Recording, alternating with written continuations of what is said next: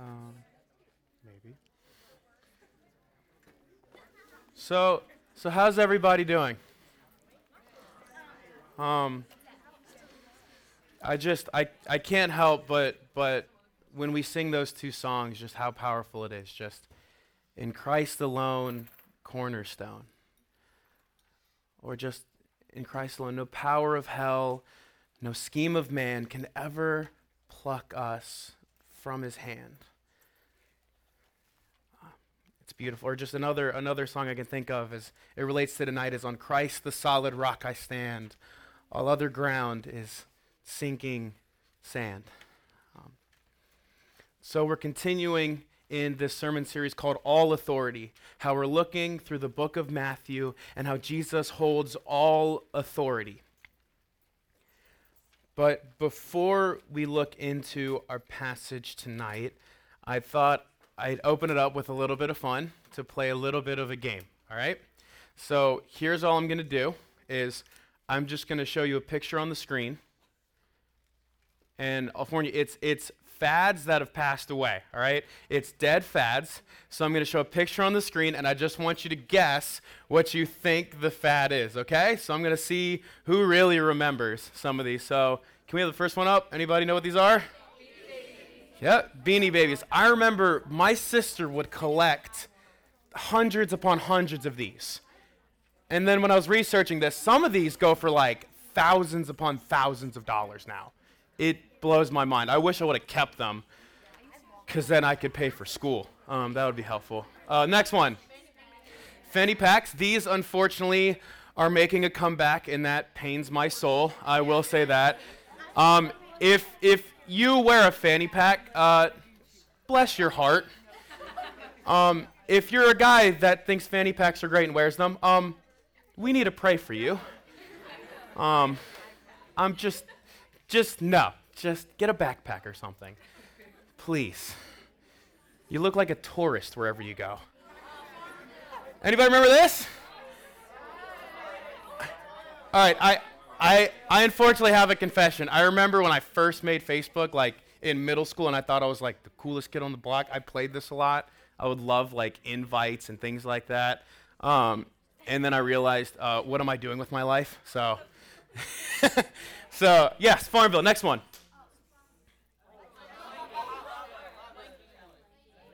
Yeah, planking. I remember yeah, planking. This was such an interesting thing.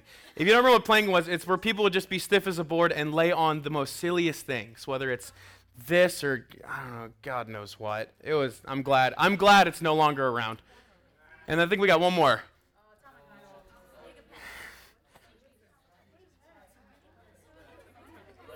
I know at least going. So this. So these are Tamagotchis. This was like when I was a kid growing up in the 90s. So, like Tamagotchis, there were this little handheld thing where it's like a little pet and you could feed it, you could take care of it, and, um, and if you didn't, well, it'd die. And so you really didn't want to do that. Um, these were super popular growing up, and in fact, I actually researched it. They actually have an app now, like that you can do that. So if anybody wants to live nostalgia, they have that. I don't know if it's good or not, but I never did it. So the, the, the point of all these, is, as silly as it sounds, is, you know, like I said, these are dead fads. And at one point, these were the biggest things on the block, hottest thing on the market. Everyone wanted one. If you didn't have one, you, you were not cool, things like that. Although I still don't know how you're cool when you wear a fanny pack. I'm just throwing that out there. But at some point, these were extremely popular everyone had a Tamagotchi, a fanny pack. Everyone was playing Farmville, a Beanie Baby, you name it. And so what happened is people thought, oh, these are going to last forever. In the moment, people thought, this is the next big thing. This is going to carry on. It's going to last forever. But as all fads have, fads come and go. Fads will eventually end. Like, yes, like, you know, I joke about the fanny pack coming back, but eventually that fad is going to end. And a new one is going to come into its place. I, I say that because what a lot of people do nowadays is a lot of people are founding their lives upon things of creation. They're saying, no, this will for certain last. This relationship, this amount of money, my athletic capabilities, my academic prowess. This will last. But when we look at Scripture, we understand the only thing that will last is Christ and His gospel. That's because we, as fallen human beings, are prone to wander away from Christ and place our hope, build our lives upon everything but Him. How we are prone to place our stock in the creation rather than the Creator. And so here is the big point I want you to get out of this message is this is that Jesus commands complete obedience to him and his teaching because he has complete authority, power, and influence over everything. Jesus commands complete obedience to him and his teaching because he has complete authority, power, and influence over everything. As I said, we're continuing through the book of Matthew. So if you have your copy of God's Word, we're in Matthew chapter 7. Matthew chapter 7. And we're going to be looking at specifically verses 24 through 29 tonight. So again, Matthew chapter 7, verses 24 through 29.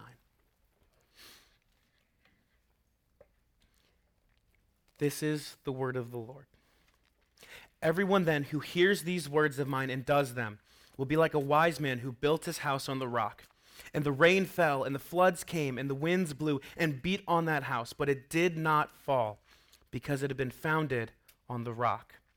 And everyone who hears these words of mine and does them, or does not do them, will be like a foolish man who built his house on the sand. And the rain fell, and the floods came, and the winds blew and beat against that house, and it fell, and great was the fall of it. And when Jesus finished these sayings, the crowds were astonished at his teaching, for he was teaching them as one who had authority, and not as their scribes. Would you pray with me, please? Dear God, we come before you just humble. I pray that you will just open up our hearts and minds to your word.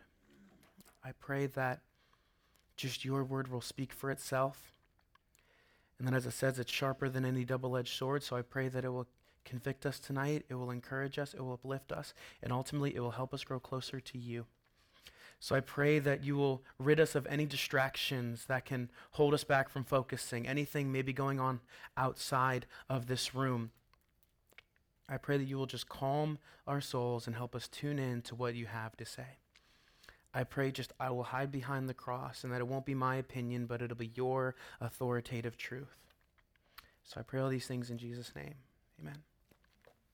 So there's three main points that Matthew wants us to get out of this passage. Three main points, and the first one is this: a life built upon Christ will stand. A life built upon Christ will stand. And as it says in verses 24 and 25, it says this Everyone then who hears these words of mine and does them will be like a wise man who built his house on the rock. And the rain fell, and the floods came, and the winds blew and beat on that house, but it did not fall because it had been founded on the rock. So, to give a little context behind this, this is at the start of Jesus' three year ministry here on earth. So, the Word became flesh, and he's starting his ministry. And starting back in chapter 5, he started this thing called the Sermon on the Mount, where it goes throughout Matthew, Matthew 5 all the way to 7. And here it is at the end of his sermon. This is him punctuating his Sermon on the Mount to the people. And so, what Jesus is explaining is what a life founded upon him looks like. He's explaining what it takes to found one's life upon him. He's explaining what type of person founds their life upon him. And then he also explains what will happen when we do found our lives upon him. So, like it says in verse 24, it says, We must not only hear the words of Christ, but we also must do them. It says, Then who hears these words of mine and does them? It can't be the words of someone else. It must be Christ. It must be the words of Christ we hear. What, what he means by hear, it means to comprehend by listening. What it means to do, it's, it's saying, I do. It's acting upon that. So, so when we do these, we're hearing the words of Christ, we're listening, we're comprehending what he's telling us, and then we say, I do to that and act upon it.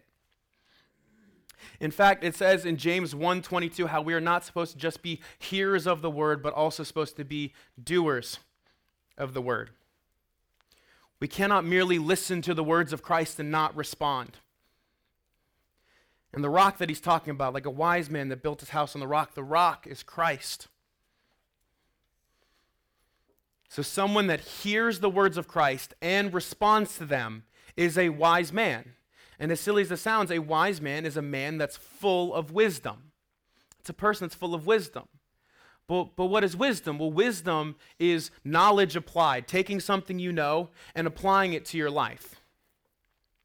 But the thing is, you cannot apply knowledge until you gain knowledge. And you cannot gain knowledge until you listen to knowledge. And you cannot listen to knowledge until you humble yourself in order to listen. Because when we humble ourselves to listen, we're admitting that we don't know everything.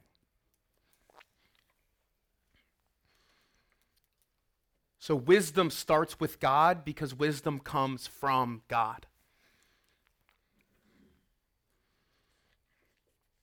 So it says, in order for a wise man to be founded on the rock, we must have heard and respond to the gospel. And what that word found means, it means to build a house. So we're building a house. The house is our lives. We need to build our lives upon Christ and his gospel. We must have heard of how we are dead in our sins and in need of a Savior. And the only way we are saved is by repenting of our sins and believing in who Christ proclaims He was and placing our faith in His finished work on the cross. By His death, burial, and resurrection, that we are made alive in Him. So, how do we respond to this gospel? By humbling ourselves to listen and receive Christ to believe on Christ, to say, I do to Christ.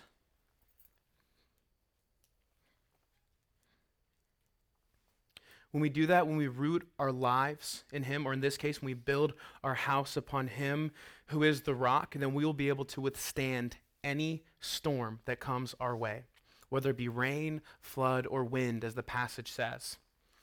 These storms that this passage talks about, how the rains fell and the floods came and the wind came and beat against the house, what those storms represent, it's the pressures of life, it's the temptations of Satan, and ultimately it's the final judgment we face before God.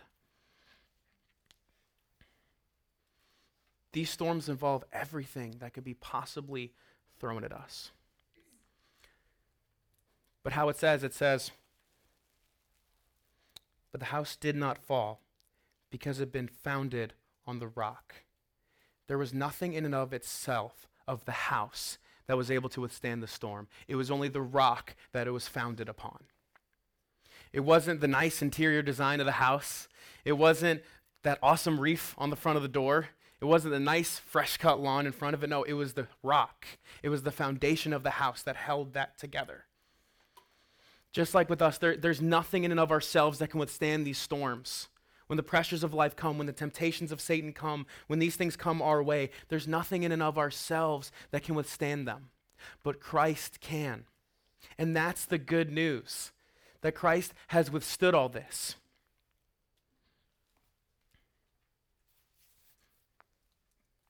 It is only because of Christ that we're able to withstand everything. Because Jesus has already taken on everything and has overcome it. In, in Matthew 8, 23 through 27, it says how he's calmed the storms of nature, how he rebuked these strong storms, and it ceased. It says how in Galatians 4, 4 through 5, how he has lived under the law we could not do, and he's fulfilled it for us. It says how in Hebrews 4, 14 through 16, how Jesus has faced every temptation yet without sin, and never succumbed to one, knowing that he is our great high priest that can empathize with us, and we have confidence drawing before God because of him. And ultimately, he took on the full wrath and judgment of God on the cross so that we might be clothed in his righteousness. And when God looks upon us, he sees his son, he sees his righteousness. It is because of the foundation of the house that it was able to stand. Like I said, there's nothing in and of ourselves that can withstand the storms of life. It is only our trust in an unchanging Christ that we're able to, not in a changing world. In fact, it says in Hebrews 13 8 that Jesus Christ is the same yesterday, today, and forever. He's able to withstand everything. And so the only way we can do that is if we listen to him and we act upon what he says. So if we listen to him and build our lives upon him. So kind of a a silly illustration I'll, I'll, I'll, do to this is if you don't know, I, I work at a place called Sky Zone. It's, it's an indoor trampoline park. I love it. It's, it's a whole lot of fun. Um, before you ask, no, you cannot get a free jump pass before all of you start bugging me after. Um, but, but something they have at Sky Zone, they have these things called Sky Socks. And so you have to wear these if you want to jump on the trampolines, right?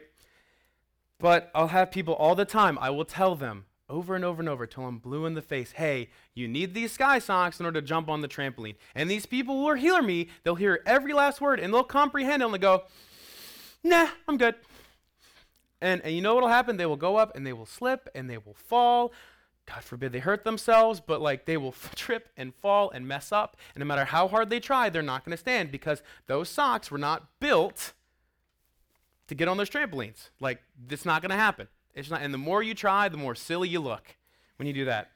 Until they come back down going, yeah, you might have been right. I think I need some sky socks.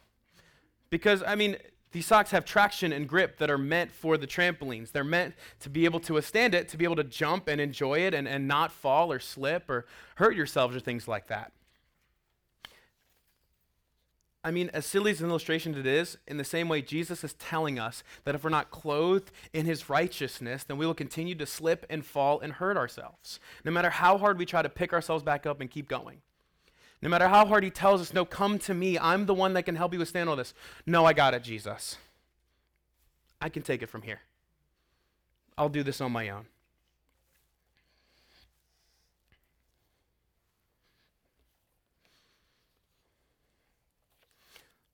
But the thing is, once we clothe ourselves in His righteousness, we will not only be able to go through life, but we'll be able to enjoy life. Knowing He is with us every step of the way, knowing that our lives are founded upon Him, knowing that whatever is thrown at us, we have overcome because of who lives in us, because of whose lives we're living for. Let me ask this Have you founded your life upon Christ? Have you responded to the gospel? Have you truly received Christ as your Lord and Savior and repented of your sins? Have you put your faith in his finished work on the cross? If you haven't, then you will be like the next person that Jesus describes. Like I said, the first point is that a house built upon Christ will stand. When we hear his words and we respond to them, we are building our life upon him. But when we hear his words and don't respond to him, we'll be like the second person he describes. And the second point is this a life not built upon Christ will fall. A life not built upon Christ will fall. It says in 26 and 27, it says, And everyone who hears these words of mine and does not do them will be like a foolish man who built his house on the sand and the rain fell, and the floods came, and the winds blew and beat against that house, and it fell. And great was the fall of it. So, just as in the first point, Jesus was explaining what a life found upon him looks like and what will happen when we do that and what it takes, Jesus explained the exact opposite on this. He explained what a life not founded upon him looks like, what it takes to not build your life upon him and what type of person does this and what will happen when we don't do this. Yes, someone who listens to the words of Jesus and ignores them and walks away from them is a foolish person. A foolish person is someone that believes they know better than God himself. In fact, it says in Proverbs 12:15, it says the way of a fool seems right in his own eyes, but a wise man listens to advice. A wise person will listen to the words of Jesus and act upon them. A foolish person will ignore the words of Jesus. The same words that spoke the universe, everything we know, into existence. In Genesis 1. The same words that breathed life into man in Genesis 2 7. The same words that told Simon Peter and Andrew to cast their nets to the other side of their boat. And their net started breaking and their boat started sinking because of the huge amount of fish they caught. The same words that Peter proclaimed in John 6 that you hold the words of eternal life. Where else can I go? The same words that will tell people they're healed and they'll be miraculously healed of blindness, lameness, sickness. The same words that will cast out demons. The same words that will tell Lazarus to rise from the dead, and he will. The same words that will tell people their sins are forgiven because of their faith. The same words that proclaims Christ, that proclaims God is greater than all, and no matter what you are, if you are in the palm of his hands, no one can pluck you out of that. The same words that will say while dying on the cross, Father, forgive them, for they know not what they do. And the same words that will proclaim with his final breath, It is finished. It's the same word that became flesh and lived among us and is delivering the Sermon on the Mount right in front of them. A foolish person hears these words and says, No, it's okay, Christ. I got this.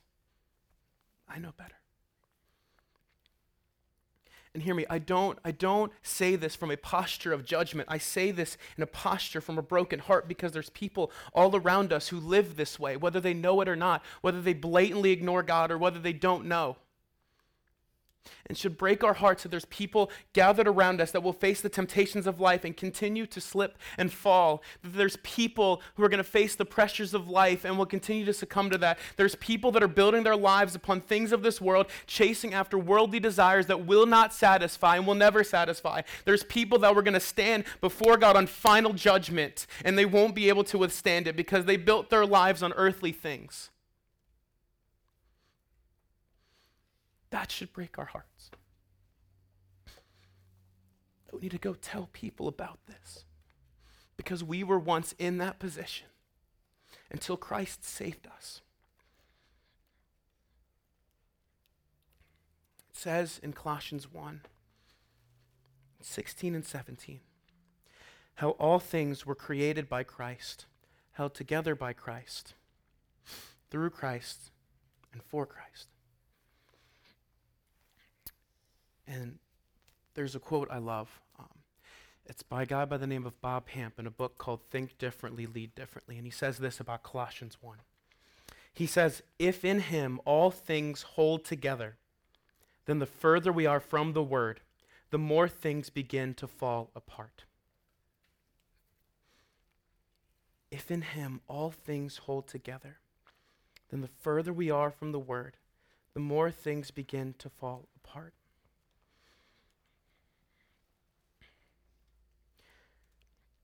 Again, I say these things not out of a posture of judgment, but out of a posture of a broken heart.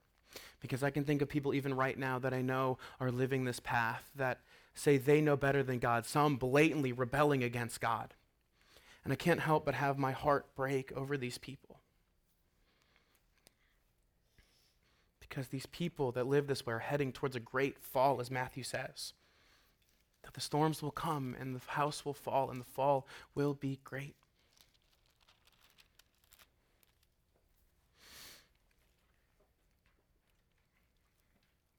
Same pressures and temptations and judgment that fell upon the wise man's house also falls on the foolish person's house. And, and what that word fall means, how the fall was great, what that fall means, it means ruin. It means utter misery. People that do not have their lives founded upon Christ are heading towards this. they're heading towards utter misery.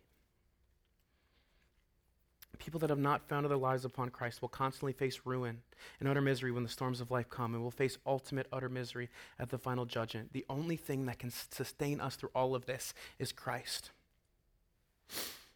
That is because in this, in both sets, same storm, same rain, same flood, same wind beat against these houses. But ultimately, what those storms did is it revealed the sturdiness of the foundation.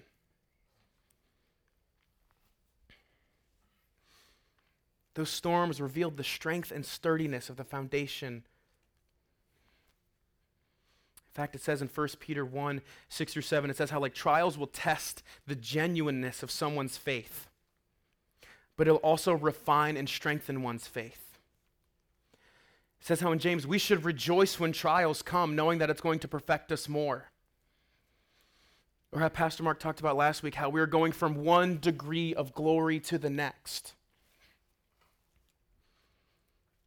Storms will strengthen us because ultimately we realize when all these things happen, all these things occur, it was only by Christ that we're able to make it through it. And that strengthens our faith in Him more, knowing that He will overcome all because He has already overcome all.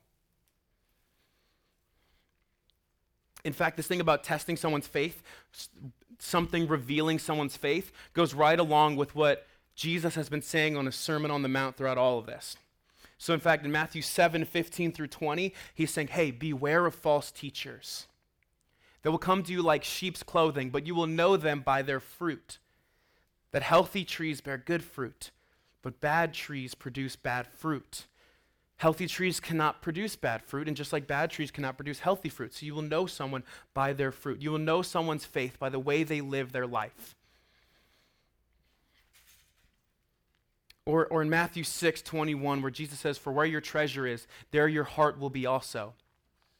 What Jesus is saying is what you place your hope in, what you are ultimately hoping in, will be revealed by what you live after, by what you chase after, by what you talk about the most, by what you pursue the most, what you post about the most.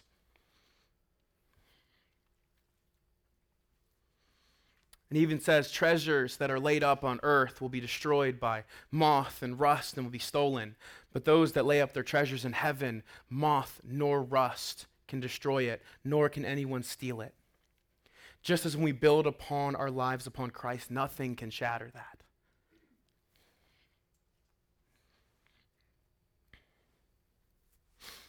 If our faith is not rooted in Jesus Christ and what he has done on the cross, then we will fall and the fall will be great.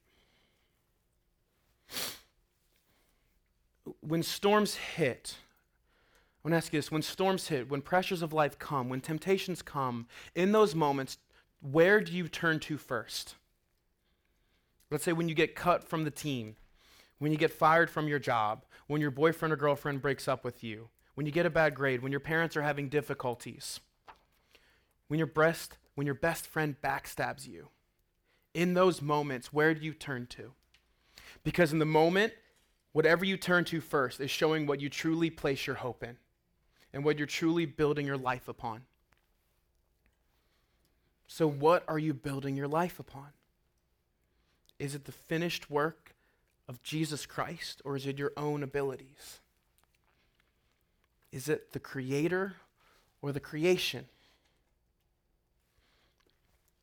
Because as we've seen in these first two points, if you build your life upon the Creator, you will stand. But if you build your life upon creation, then you will fall. There's no middle ground. So we've seen the first main point. The first main point is that a house built upon Christ will stand. The second point is that a house not built upon Christ will fall. And that leads to our third and final point that supports both of these points which is this Jesus' word holds all authority. Jesus' words hold all authority. As it says in verses 28 and 29, it says, And when Jesus finished these sayings, the crowds were astonished at his teaching, for he was teaching them as one who had authority and not as their scribes. What Jesus is showing in this passage as he punctuates and finishes his Sermon on the Mount, he is showing that he owns all authority over teaching. and that because he owns all authority over teaching, then he commands total obedience to him. Jesus knows exactly what he's talking about.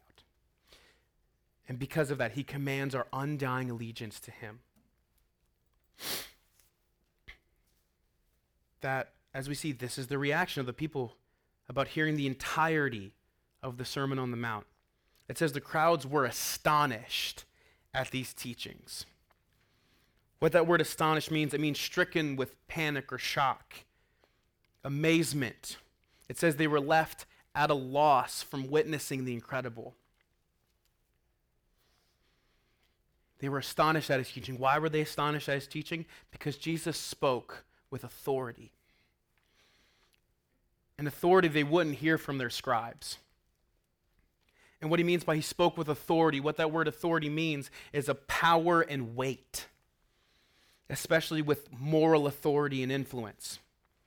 Jesus' words carried weight to them, they carried an infinite weight to them.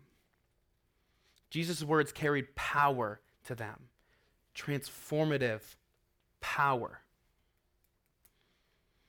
See, what the scribes would do is they would add like these man made traditions and would just regurgitate what they read. The scribes would quote authority, Jesus would speak with authority. This is because Jesus holds all authority and influence. Because that's who he is. In fact, Jesus even calls out the scribes during his Sermon on the Mount. In Matthew 5:20, he says that if your righteousness doesn't even exceed the scribes and Pharisees, then you cannot enter into the kingdom of God. You cannot enter into heaven. That is because Jesus' righteousness is the only righteousness that can get us into heaven. He's the only one who's taken on every temptation and sin and ultimately death and has overcome all of that. So, because Jesus' words holds all authority, then he commands full obedience. We can build our lives upon the entirety of this book because it holds all authority. God's word will not return void. It says how in 2 Timothy 3 16 through 17, how all of God's word is inspired.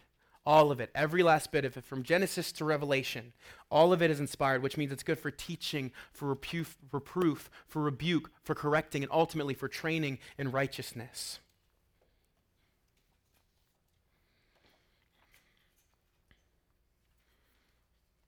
Because Jesus' word holds all authority.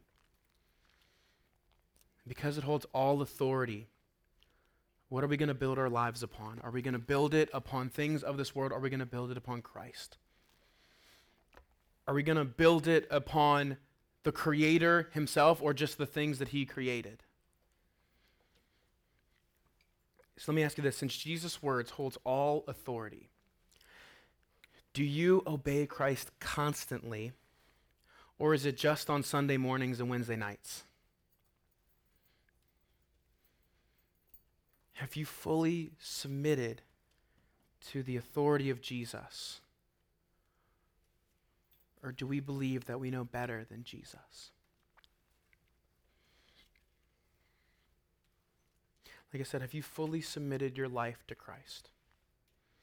Have you founded your life upon Him and His finished work on the cross? Have you repented of your sins and trusted on Him as your Lord and Savior?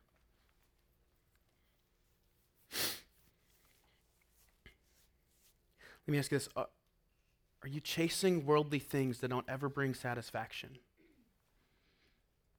Are you placing your stock in relationships or money or athletics or academics? You name it. If so, they won't last. But I have good news, and it's the gospel. Because here's the thing you are never too far from grace. Some of you in this room, you might be thinking, I've chased after everything, I've tried everything, nothing seems to work, nothing seems to satisfy. No matter what I do, no matter what I attempt, nothing seems to work. I mean, some of you right now, you've tried everything and you feel like you've just hit rock bottom. And you're thinking, that's it for me. There's nothing else. Or maybe some of you feel like you're just, you're on the edge of the cliff and just one more thing and just you don't know. I have good news is that Jesus will meet you exactly where you are. That you are never too far from grace. That if you are at rock bottom, Jesus will meet you right there and say, I still love you. The cross is still sufficient for what you've done.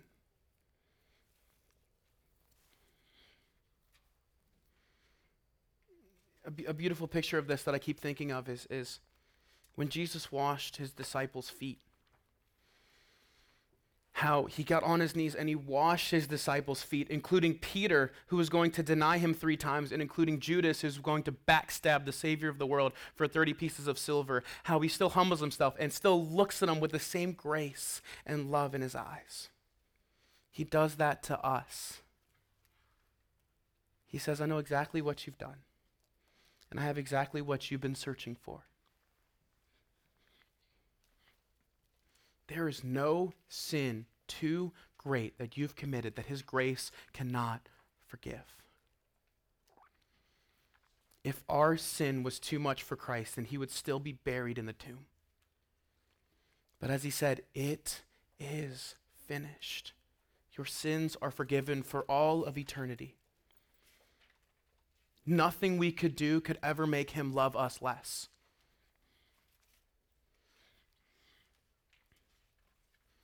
So if that's you, feeling dissatisfied from the world, feeling like you've just hit rock bottom, or just you're, you're right on the edge, if you repent of your sins and you believe on Christ, He can save you right where you are tonight. Maybe some of you are in a place where you feel really strong about your faith in Christ if, if you are in that position where you're feeling really strong about your faith in Christ, what I'll say is keep daily submitting to Him. Keep pushing after Him because we will be tempted to go after lesser things. We will be tempted to place our hope in anything other than Christ. But also remember this that there's people all around us that still need to hear this message. There's people all around us that still need to hear you can build your lives upon Christ and withstand anything. We need to go out and tell people this message. In fact, there might be some people in this very room tonight that need to hear that, or just even need to hear that reminder that Jesus is with us, no matter what, that His grace is sufficient, His sacrifice on the cross is sufficient. We must go out into our communities and tell other people about Christ because it says, those who hear these words and do them. People cannot respond to the gospel until they hear the gospel. And people cannot hear the gospel until someone is sent and tell them. That's where God, that's why God has divinely placed you where you are at. From your schools to your neighborhoods to your communities to your sports teams, you name it. He has divinely placed you there to say, I have a hope that can last. I have something that can satisfy all that you've been longing for. And here's the beautiful thing about all of this. Like I said, our house is built upon Christ. And so, since it's built upon Christ, He will give us all that we need in order to be able to proclaim Him to others. It says how in Philippians 4:19 it says, "My God will provide all that I need according to His riches in Christ Jesus." So, the beautiful thing, like I said, there might be nothing in and of ourselves that can do this, but praise God that we have a Savior that is all sufficient, that can do all of this. As long as we humble ourselves and submit to Him.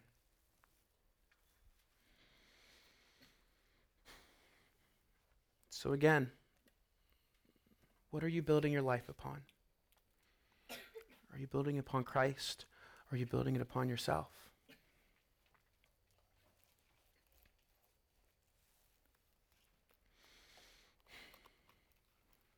Let's pray.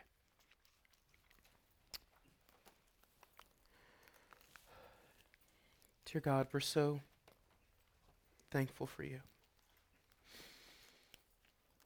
God, we are in desperate need of you. We're so thankful that we have a Christ that has overcome everything. And so I pray all of us just throw ourselves before you in this holy desperation and say, My Lord and my God. To where no matter what else happens, no matter what temptation comes our way, when we're tempted to leave, we'll look upon Christ and say, Where else can we go? You hold the words of eternal life. Knowing that no matter what storm faces us, no matter what challenge comes our way, no matter what is thrown at us, we know that our house will stand not because of us, but because of Christ. I pray that you daily remind us of that. I pray you help us grow closer to that and daily submit to that beautiful truth of the gospel. I pray all of this in Jesus' name. Amen. Uh, the band's going to play one more song.